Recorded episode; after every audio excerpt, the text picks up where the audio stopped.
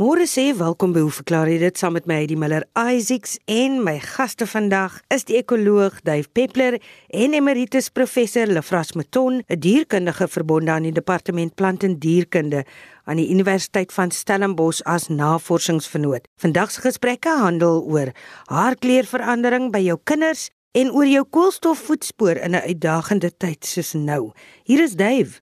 Gegroet uit Stellenbosch uit my studeerkamer en my groete ook dan aan Heidi en my medespanlede en luisteraars. Ek het 'n e-pos ontvang van Gustaf Malan van Kommetjie en hy skryf baie kort en kragtig met inperking. Ehm um, het ons wyse van handelsdryf in 'n groot mate verander met internetkopies, inkopies kos wat afgelewer word en hy vra dan wat kan hy doen in terme van die vermindering van sy koolstofvoetspoor in hierdie moeilike tyd. Ek het moes 'n bietjie gaan nalees en daar is min uh, data beskikbaar vir Suid-Afrika, maar ek het op 'n baie interessante BBC artikel afgekom. So die voorbeeld wat ek gaan noem is bloot vergelykend, maar ons kan natuurlik afleidings, ons kan ekstrapoleer en 'n idee vorm van wat die ware koste van voedsel is. Wêreldwyd is daar pogings deur ontwikkelende lande om hulle koolstofvoetspoor te verminder en dit het in skerp fokus gekom natuurlik met die Parys-akkoord 'n paar jaar gelede waaraan Amerika onder die leiding van Trump natuurlik onttrek het want dit was 'n Obama inisiatief, maar ek is seker dat Biden weer by die Parys-akkoord gaan aansluit. Die idee agter hierdie akkoorde is om meeste ontwikkelende lande koolstofneutraal te maak teen 2050 en die rede daarvoor is eintlik baie eenvoudig dat indien ons nie uh, aan koolstofneutraliteit gaan dink nie, gaan aardgasse in so 'n mate toeneem dat ons die 2 grade Celsius algemene stygings gaan oorskry en die gevolge daarvan gaan niks anders as katastrofies wees vir die aarde nie. Ons sien dat wêreldwyd landbou tegnieke en metodes begin verander na meer um, sagte benadering, minder verstoring en hier kan ek 'n pragtige voorbeeld noem van 'n appelboerdery naby Verliersdorp vir wie ek 'n konsultant is. So 15 jaar gelede het hulle besluit, dis regtig vroeg, dat hulle meer aardvriendelik wil appels produseer. En die eerste ding wat hulle gedoen het, was om al die snoeisels elke jaar nie weg te ry en te verbrand nie, maar fyner te knip en dit as 'n mollem onder die appelbome te los. Nou die gemiddelde opbrengs van appels wêreldwyd is in die orde van 130 tot 140 ton per hektaar. Bloot met hierdie verandering het hierdie boerdery binne 15 jaar die produksie na meer as 200 ton per jaar opgestoot sonder enige enige verdere bemesting. Met ander woorde, hierdie boere boer deesdae met aardwurms en dan daarna produseer hulle dan appels. Ons sien daar is reuse veranderings in die vervoer om die aarde met die eerste prototipe van elektriese vliegtuie wat baie baie effektief rondvlieg en as jy dit kan koppel aan 'n sonlaaier, ehm um, kan jy uh baie baie vriendelik vlieg. Ons sien Elon Musk se Hyperloop, almal het vir hom gelag, maar ek is heilig oortuig dat dit een van die toekomsvorme van vervoer gaan wees waar 'n kapsule in 'n lugleë buis teen ontsaglike snelhede versnel word deur elektrisiteit en teen baie honderde kilometer per uur kan jy dan redelik vriendelik beweeg. Ons sien 'n groot toename in elektriese motors um en hibriedmotors en baie groot fabrikate, Volkswagen byvoorbeeld, gaan teen die jaar 2030 glad nie meer binnebrand engines in hulle motors hê nie. Daar is die ewige teenkap van ja, wat is die koste van die batterye? Ek dink ons moet dit verdiskonteer teen die effek van binnebrand engines vliegtye op die atmosfeer en daarvoor moet ons eenvoudig die prys betaal. En ek dink dit is dalk die onderwerp vir 'n volledige program in die toekoms. Maar vir my die mees opwindende nuwe ontwikkeling is fusie reaksie ehm um, die standaard kernreaktors wat hy wat ons het ehm um, werk op atoomspluiting die een by Kuiberg byvoorbeeld wat dan hitte vrystel wat turbines dryf maar indien ons fusie die kombinasie van atome van waterstof kan beheer kan ons byna gratis uh onbeperkte elektrisiteit hê Die groot probleem is natuurlik om die temperature waarteen hierdie prosesse plaasvind, uh miljoene grade Celsius, om dit binne 'n houer te hou. En die enigste manier om dit te doen is deur baie sterk magneetvelde in 'n uh reaktor wat bekend staan as 'n tokamak. En ek het juis gelees dat gister het die Japaneese hierdie reaksie vir 20 sekondes aan die gang gehou. Dit klink onbeduidend, maar in die verlede kon hulle die reaksie net vir 'n sekonde of 2 aanhou. Maar kom ons kyk dan na individuele verbruike. Nou ja, as jy kyk na 'n deursnit Engelsman, eh, wat dit ook al mag wees, ehm um, elke Engelsman produseer in die orde van 3 ton koolstof per jaar en dit is omtrent 8,2 kg per dag. Nou professor Mike Burns-Lee van Lancaster het toe 'n redelike komplekse som gemaak waar hy die metaanvrystelling en O2 vrystelling, uh, stikstofdioksied, die tipe boerdery, die vervoer daarvan, uh die logistiek met ander woorde in ag geneem het en dan op 'n uitset van koolstof per produk afgekom het. Kom ons kyk vlugtig, dis 'n hele lange lys, maar kom ons kyk net na die skaal van koolstofproduksie. Kyk jy na 'n appel wat plaaslik geproduseer word wat nie te ver vervoer word nie, is dit nie orde van 0,3 kg per kilogram koolstof om dit te produseer. Die oomblik as jy die appels invoer na Engeland byvoorbeeld van Nieu-Seeland, verdubbel jy dit, word dit 0,6 kg per kilogram. Kyk 'n mens byvoorbeeld na broccoli wat dan tuis gekweek word in vergelyking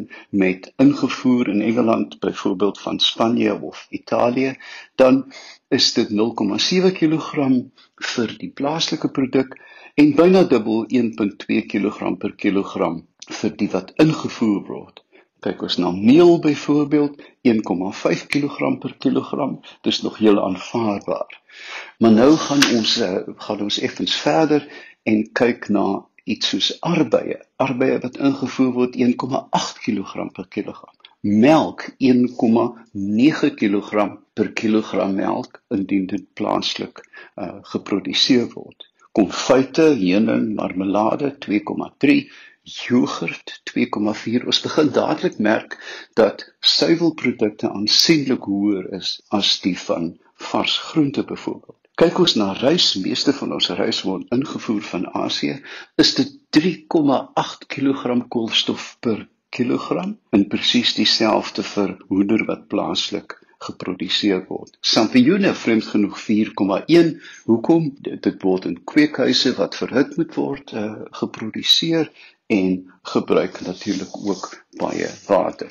Maar nou kom ons in die gevaarlike venster byvoorbeeld van produkte wat baie hoë koolstofvoetspoor het. Tuna, ons is so lief om tuna ook te maak. 5,3 kg per kilogram. Botter 9,8 kg per kilogram.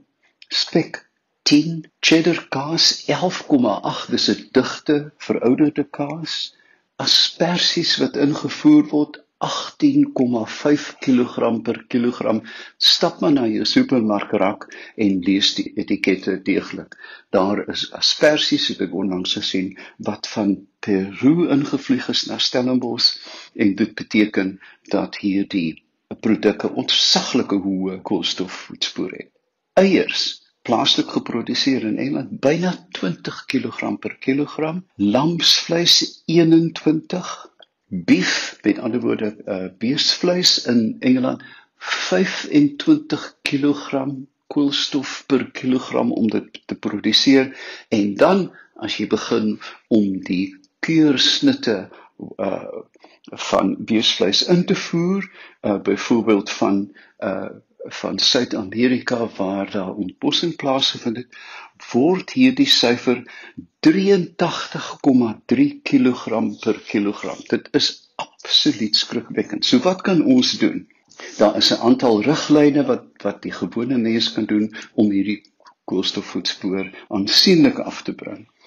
En die heel eerste een is seisonaliteit.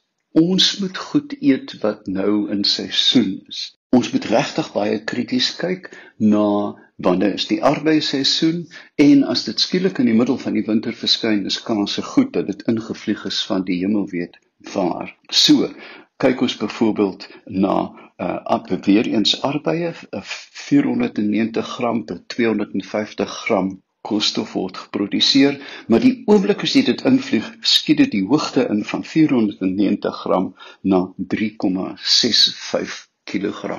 Met ander woorde vir my sover as moontlik ingevoerde produkte. In hierby sê ek nie as jy lus het vir 'n stukkie parma ham, hemel weet, ons maak dit nie in die Kaap nie, koop dit dan gerus. Nou hier gaan ek natuurlik die woede en van byna elke luisteraar oopkrap met my volgende stelling in dien ons koolstofvoetspore aansienlik wil verminder, sal ons minder rooi vleis en suiwel moet gebruik. En dit beteken nie ons moet dit boikot nie om hemelsnaam nie, maar dink 'n bietjie aan die groot koolstofvoetspoor wat ek aangehaal het uh, vroeër in my gesprek. Dit is wel interessant in vergelyking met beesvleis dat spek, varkvleis en hoender het het 'n kleiner koolstof, dis die rooi vleise wat uh, die uh, syfers so die hoogte laat inskiet. So koop versigtig, moenie ingevoer koop nie en koop minder. Dan ehm um, as jy mens kyk na die gemiddelde huis in Engeland, gooi elke jaar 4,5 metrieke ton kos weg wat hulle nie eet nie wat sleg geword het. Met ander woorde, een van die beste riglyne is eet alles wat jy koop. Ons moet uh probeer wegkom van hierdie van die orde van 50 tot 70% van alle kos wat geproduseer word word weggegooi. En dink aan innoverende maniere. Ek weet deesdae is daar resepte vir piesangskille. Jy hoef dit nie noodwendig weg te gooi nie, maar indien jy dan weggooi, gooi gerig weg. Eh, plastiek na plastiek batterye nie by die kos nie en indien jy bevoorreg is om 'n huis of 'n tuin te hê, dan maak 'n klein komposhoop. Kyk krities na verpakking. Ons moet regtig baie uh krities omgaan met die tipe verpakking.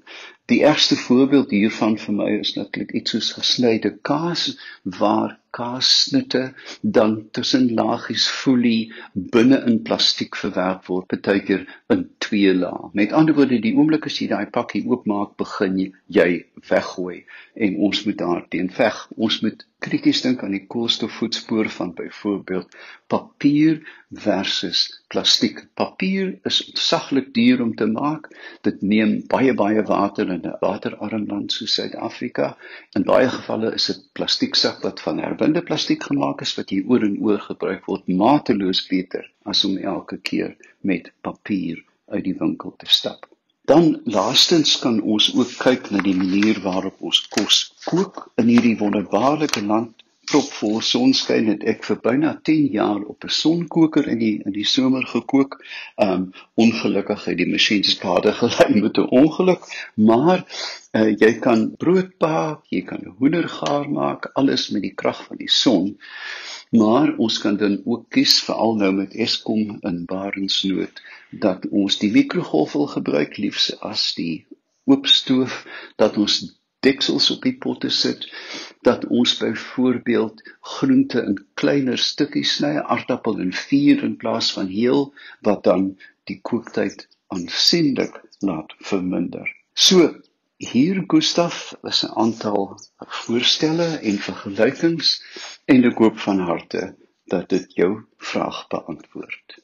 Jy luister nou, hoe verklaar jy dit? Ek herinner jou daaraan dat jy hierdie volle program kan gaan aflaai by rsg.co.za. Jy klik op potgooi en dan klik jy op hawe. Hoe verklaar jy dit? Lefra se vraag kom van Petro van Jeffreys Bay en sy soek 'n verklaring vir kleurverandering van hare by haar kinders. Sy skryf as volg: Albei my kinders was blond toe hulle nog in laerskool was, maar nou in die hoërskool is hulle donker koppe. Wat sou die oorsaak van die kleurverandering wees? Is dit dalk 'n oorblyfsel van ekologiese betekenis van die prehistoriese mens wat nog na aan die natuur gelewe het?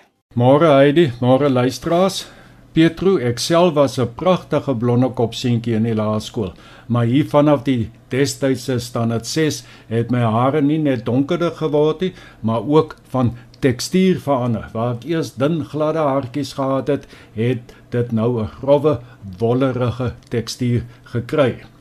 Hierdie verandering in die kleur en tekstuur van kinders se hare soos hulle groot word, is baie algemeen en behels nie net altyd kleurverandering van lig na donker nie, maar kan ook van donker na lig wees en verandering in tekstuur kan behels verandering van reguit hare na krullerige hare en ook andersom.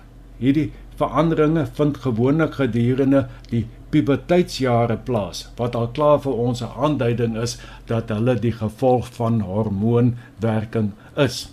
Die volwasse wordingsproses is onder hormonale beheer en die hormone wat die ontwikkeling van hare onder die arms in die pubis gebied en die gesigshare by seuns beheer kan ook aanleiding gee tot verandering in die kleur en tekstuur van die kophare en gaan ook dikwels gepaard met vel toestande soos spesies en hare op ongewenste plekke. Alhoewel die kleur en tekstuurverandering uh deur hormone veroorsaak word, is die aard van die veranderinge geneties vasgelê. Dit wil sê dit kom uh, vanaf die ouers. Verandering van haarkleur en tekstuur kom ook algemeen by volwassenes voor en dan praat ek nou nie hier van die die grysword proses wat met veroudering gepaard gaan nie. Menige vrou sal kan getuig dat al haar kleur en tekstuur tydens swangerskap verander het, maar dan na tyd weer teruggekeer het na uh normaal. Ook tydens die menopouse kan hare van kleur en tekstuur verander. Hierdie veranderings is die neeweffek van die veranderende hormoonvlakke tydens swangerskap en menopouse. Baie mediese toestande en hul behandeling kan ook die kleur en tekstuur van hare beïnvloed. Toestande soos hipotireose, dermatitis, vitamintekorte, breinaneurysmes en selfs spanning kan veranderinge in hare aanskakel. Sommige lei tot vinniger en meer welige groei van hare, terwyl ander lei tot die dunne wording van hare en ook haarverlies. Afhangende waar jy woon, kan jy ook ondervind dat omgewingstoestande en klimaat jou hare ook beïnvloed. Op 'n reënerige dag is my eie hare byvoorbeeld ekstra wollerig. Hoë humiditeitsvlakke van die lug kan veroorsaak dat jou hare meer krullerig en buite beheer is en lae vlakke dat dit droog en dof is. Langdurige blootstelling aan die son uh, kan ook daartoe lei dat jou hare ligter van kleur word. Nou om by Petrus se vraag te kom, het die haarveranderings wat kinders tydens puberteit ondergaan enige ekologiese betekenis? Ek dink dit is 'n baie goeie vraag. Kom ons kyk gou wat die situasie by ander soogdiere is en ook by voëls. Hare en vere is tog nou naverwante produkte van keratin wat deur die vel geproduseer word. Die kleintjies van die bosvark byvoorbeeld het kenmerkende lengteverlopende wit strepe terwyl die volwasse diere geen strepe het nie. Daar word gereken dat die streeppatroon help om die kleintjies te kamoufleer omdat hulle baie aan predasie blootgestel is. By baie boksoorte weer het die jongetjies dieselfde kleurpatroon as die ooe wat ook gewoonlik goeie kamouflering verskaf. Wanneer hulle volwasse raak, kry die jong rammetjies gewoonlik 'n donkerder pels en nou begin die kompetisie met die ander volwasse ramme in die trop. Dit is dus goed dat die jong rammetjies voor volwassenheid nie herkenbare manlike kleure het nie en dus nie aan die aggressie van volwasse ramme blootgestel sal word nie. By voëls is die situasie baie dieselfde. Die jong individue van baie spesies verskil in kleur van volwasse individue. Hierdie verskille is veral by roofvoëls baie opvallend. By baie voëls het die jong individue dikwels dieselfde kleure as volwasse wyfies en die mannetjies, die jong mannetjies ontwikkel eers hul manlike kleure wanneer hulle geslagsryp raak. Net soos by soogdiere gaan dit dikwels dan ook by voëls oor kamouflering van jong individue en om die voortydige blootstelling aan die aggressie van volwasse mannetjies te verhoed. Een belangrike punt om op te let is dat by die voorbeelde wat ek genoem het, al die jongetjies van die onderskeie spesies almal basies dieselfde kleurpatroon het. As 'n reël is al die klein bosvarkies byvoorbeeld tot 3 maande ouderdom gestreep. Jy kry nie een wat kolle sal hê of een sonder strepe nie. Dit is mos nou wat 'n mens sou verwag indien 'n spesifieke pelskleur of patroon of veredos 'n ekologiese funksie sou hê. Baie min of geen variasie nie. As ons nou na kleur en tekstuurveranderinge van hare tydens puberteit by die mens kyk, dan is daar geweldig baie variasie. Uh by baie vind daar geen verandering plaas nie en by ander is die veranderinge in teenoorgestelde rigtings van gladde hare na grouwe hare en van grouwe hare na gladde hare, van lig na donker en van donker na lig. Dit is 'n baie sterk aanduiding dat hierdie veranderinge vandag geen ekologiese funksie het nie en bloot 'n neeweffek van hormoonveranderings is. 'n Mens moet daarom ook dadelik noem dat die menspopulasie van vandag glad nie vergelykbaar is met die geïsoleerde natuurlike populasies van die mens wat 'n paar duisend jaar gelede uh uh voorgekom het nie. As gevolg van die grootskaalse vermenging van populasies is die variasie vandag baie groot. Nietemin, 'n mens sou miskien uh meer wys kon word deur 'n bietjie na die evolusie van haarkleur en tekstuur by die mens te kyk om nader aan die kap van die bil te kom. Nina Jablonski en haar navorsingsgroep het in die laaste klomp jare baanbrekerswerk in die verband gedoen. Die mens Homo sapiens, ons weet, het sy ontstaan in Afrika gehad.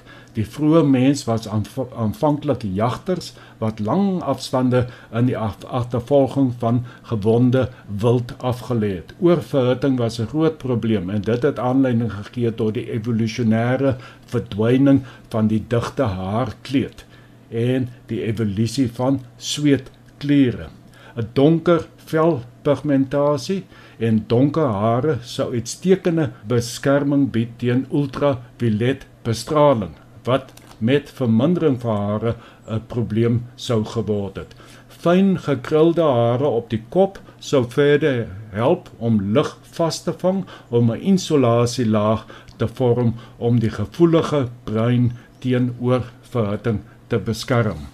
Nou jong kinders in die familiegroepe van die vroeë mens sou nes die volwassenes tog aan dieselfde ultraviolet bestraling blootgestel gewees het en sou dus dieselfde haarkleur en struktuur as volwassenes gehad het. Alhoewel donker hare en velpigmentasie uitstekende beskerming teen ultraviolet bestraling bied, belemmer dit Vitamiin D produksie deur die vel. Nou Vitamiin D is 'n baie belangrike uh, vitamiengroep. Dit verhoog intestinale absorpsie van kalsium, uh, magnesium en fosfaat en Vitamiin D metaboliete speel onder andere 'n belangrike rol in die gesonde groei en remodellering van been.